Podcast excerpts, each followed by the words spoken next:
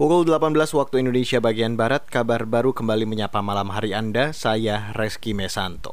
Saudara Wakapolri Gatot Edi Pramono membantah bakal melibatkan Jagger atau preman pasar dalam menegakkan peraturan daerah atau perda mengenai protokol kesehatan.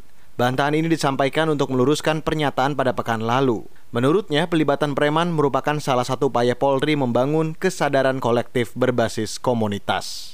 Tapi ada pasar-pasar tradisional. Realitas di masyarakat kita tradisional itu nggak ada tuh yang pimpinan realitasnya mungkin ada yang menyebutnya kepala keamanannya, ada yang menyebutnya mandor di situ, ada yang menyebutnya jagger, ada yang preman. Nah, mereka inilah mereka ini kan tiap hari di sana. Bukan kita merekrut preman itu yang keliru, tapi kita merangkul mereka-mereka pimpinan-pimpinan informal yang ada di komunitas itu untuk bersama-sama kita membangun satu kesadaran kolektif untuk mematuhi protokol COVID-19. Jadi mereka tidak menegakkan Perda. Itu tadi Wakapolri Gatot Edi Pramono. Sebelumnya, Wakapolri Gatot Edi Pramono menyatakan bakal melibatkan preman pasar dalam penegakan disiplin protokol kesehatan. Ini disampaikannya saat memberi arahan di Mapolda Metro Jaya 10 September lalu. Namun, wacana ini menuai kritik sejumlah pihak karena dirasa tidak perlu. Beralih ke informasi selanjutnya, Guru Besar UIN Syarif Hidayatullah Mardi Azra menyoroti sidang dugaan pelanggaran etik Ketua KPK Firly Bahuri yang akan diputus Dewas KPK esok. Madi menilai ketidakpuasan terhadap kepemimpinan KPK sudah terjadi sedari proses seleksi calon pimpinan KPK bergulir. Menurutnya hal itu berkaitan dengan pelemahan lembaga anti rasuah itu.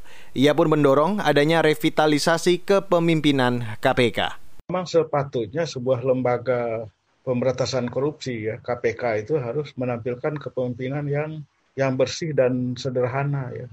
Karena apa? Karena ya kita nggak tahu asal usul uangnya, tetapi secara etis dalam konteks pemberantasan korupsi kan tidak sepatutnya memakai helikopter ya. Kita nggak tahu uang siapa yang dipakai. Kalau Guru Besar UIN Syarif Hidayatullah Azirul Mardi Azra Sebelumnya, Koordinator Maki Boyamin Saiman melaporkan Firly kepada Dewas KPK karena diduga telah melanggar etik terkait bergaya hidup mewah. Firly diduga menggunakan helikopter milik perusahaan swasta dalam perjalanan pribadi Firly dari Palembang ke Batu Raja.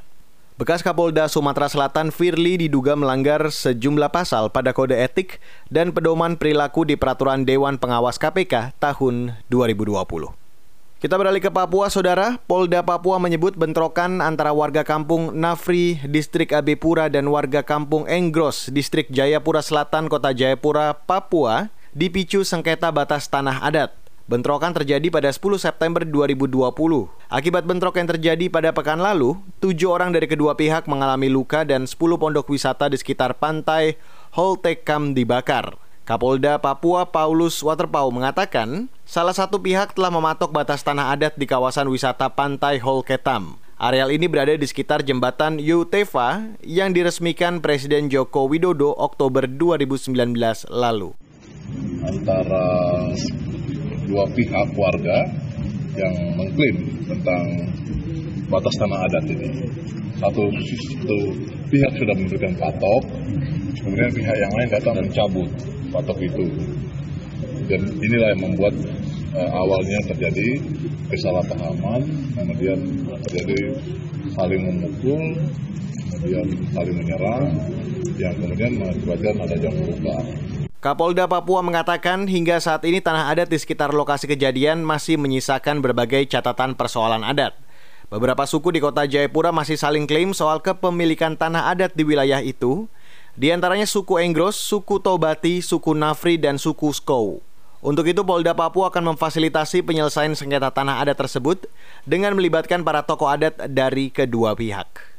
Demikian kabar baru KBR saya Reski Mesanto.